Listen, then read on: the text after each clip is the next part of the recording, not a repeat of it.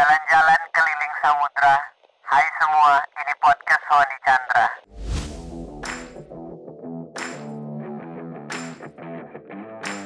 Wow, ini podcast keempat. Terima kasih teman-teman semua. Pernah nggak lu kesal banget ketika dikecewakan oleh orang lain? Ide lu ditiru, lu ditipu, ditinggalkan, dihianati, atau mereka meremehkan lu. Ngapain kuliah tinggi-tinggi kalau akhirnya jualan, buat kue, open PO makanan, buka toko, jadi makeup artis, jadi selebgram, dan keahlian lainnya yang kata mereka nggak perlu sekolah tinggi-tinggi. Pernah nggak lu marah karena diperlakukan nggak baik sama teman, rekan kerja, panitia, atau siapa pun dengan perkataan maupun perbuatannya? Ya pasti pernah lah bro, namanya hidup. Tenang, gue juga kok. Salah nggak kalau kita jadi emosi? Hmm, nggak juga. Tapi yang salah kalau kita malah jadi berlarut dengan emosi tersebut. Kita berhenti hanya karena omongan orang lain. Kita redupkan cahaya hanya karena takut dikritik dan diperlakukan nggak baik. Kita main aman dengan mengubur segala potensi kita. Seorang filsuf dan penulis bernama Cooley dengan indah pernah menulis, "Kita bukan apa yang kita pikirkan. Kita bukan apa yang orang lain pikirkan, tapi kita adalah apa yang kita pikir orang lain pikirkan tentang kita." Biarkan ini membuat kita sedikit berpikir betapa seringnya kita dikotakkan oleh perbuatan dan pendapat orang lain, keluarga maupun teman yang tertanam di diri kita dan itu yang kita yakini. Terus gimana bro? Ada dua jenis orang yang melakukan hal itu. Pertama adalah mereka yang gak kenal sama kita atau gak terlalu dekat sama kita. Orang asing yang mengganggu ketentraman hati. Kalau kejadiannya ini menimpa kita, pasti sahabat dan orang terdekat akan bilang, Sabar, udah gak apa-apa, sabar aja. Lalu saat ditanya, sabar itu gimana? Jawabannya, ya udah ikhlasin aja, biarin Tuhan yang balas. Selesai sampai di situ. Orang-orang sering bilang, orang sabar itu mereka yang punya pengalaman dan cobaan hidup yang berat, punya cukup asam garam istilahnya. Ya nggak ada yang salah, tapi gua pikir apa harus tunggu tua dulu baru bisa belajar sabar? Sebuah pencerahan luar biasa gua dapatkan dari penulis Indonesia bernama Gobin Fasdev yang menulis bahwa mereka yang sabar dan gak sabar hanya dibedakan oleh satu hal, yaitu program atau kata-kata yang tertanam dalam otaknya. Contohnya gini, Program pertama tertanam di diri seseorang. Kalau ada orang yang berani menghina dan meremehkan keluarga saya, maka saya akan menegurnya. Kalau ia masih melakukannya lagi, saya akan menghajar dan menghancurkan hidupnya. Apa yang terjadi? Kita malah bisa terlibat dalam kasus yang berkepanjangan, berurusan sama polisi, dendam turun-temurun yang menyakiti diri dan keluarga kita. Coba kalau kita install ulang program tersebut menjadi kalau ada orang yang berani menghina dan meremehkan keluarga saya, maka saya akan menegurnya. Kalau ia masih melakukannya lagi, maka saya akan anggap dia orang gila. Well, gimana kita biasanya ketika menghadapi orang gila benaran? Bukannya marah, kita justru kasihan, mau pergi cepat-cepat karena kita tahu dia orang gila. Apa pun kasusnya, kalau ada orang yang menyakiti lu, anggap aja mereka orang gila. Pergilah dari mereka dengan perasaan damai. Bukan karena lu benci sama mereka, tapi karena lu sadar banyak hal lebih penting yang harus dipikirkan daripada perkataan orang gila. Lu bahkan gak berniat untuk membalasnya, bisa jadi lu malah mendoakannya. Ini terlihat gampang, padahal enggak sama sekali karena butuh latihan dan butuh dibiasakan. Jenis orang kedua adalah orang dekat yang ada di sekitar kita. Bisa keluarga, saudara, teman, rekan kerja yang menyulitkan ketentraman hati dan bisa jadi hampir tiap hari. Iya bro, banyak banget kericuhan yang datang dari orang sekitar gua. Gua harus gimana tuh?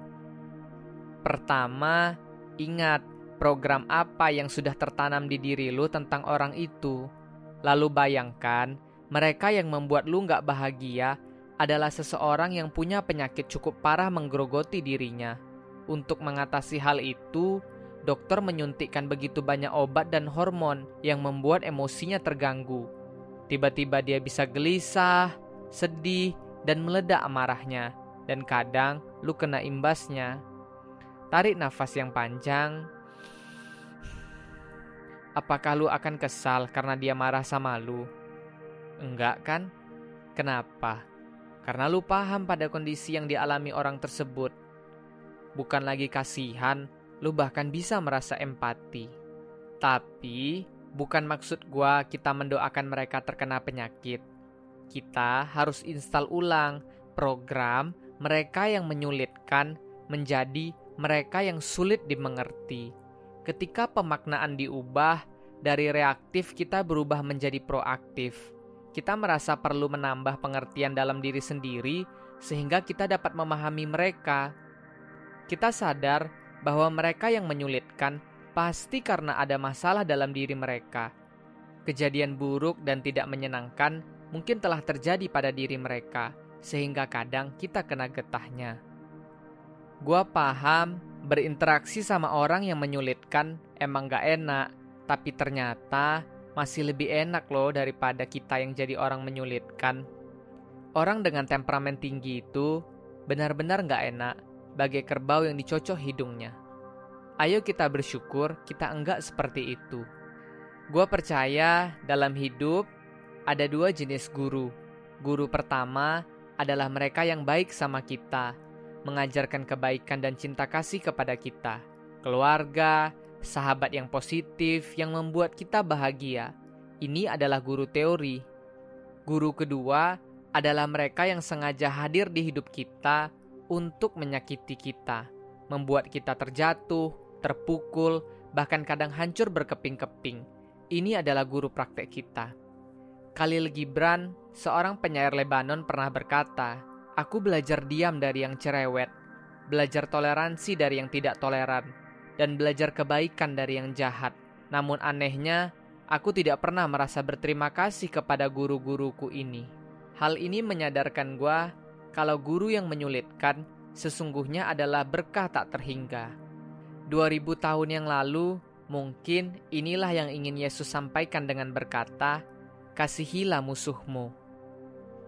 Musuh bukan harus dihindari.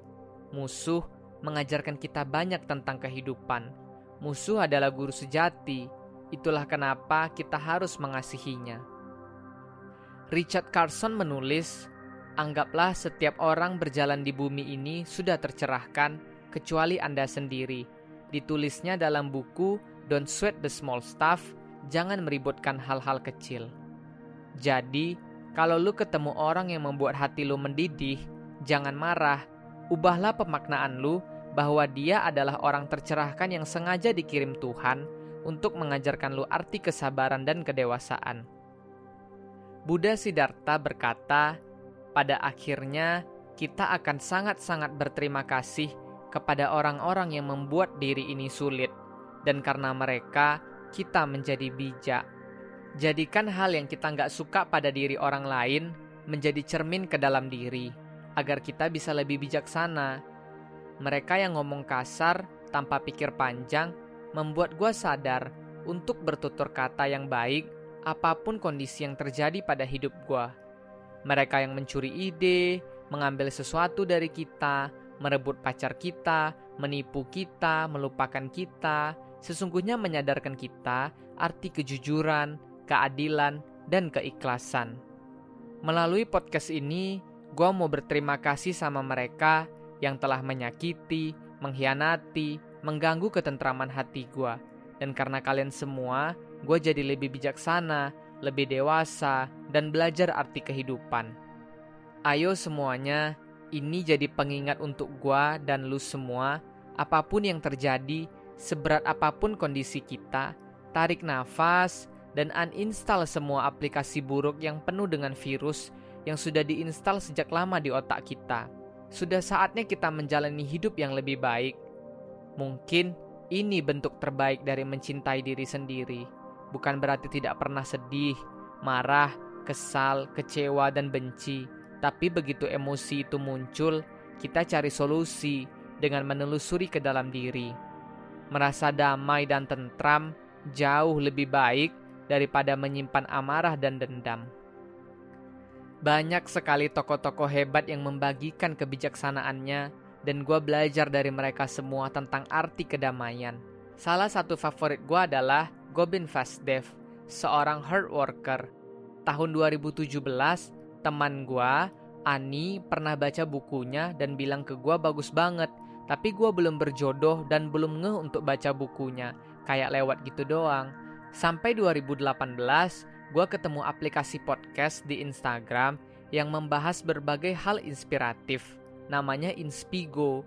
Gua install, dengerin, dan kagum sama pembicara-pembicara di sana.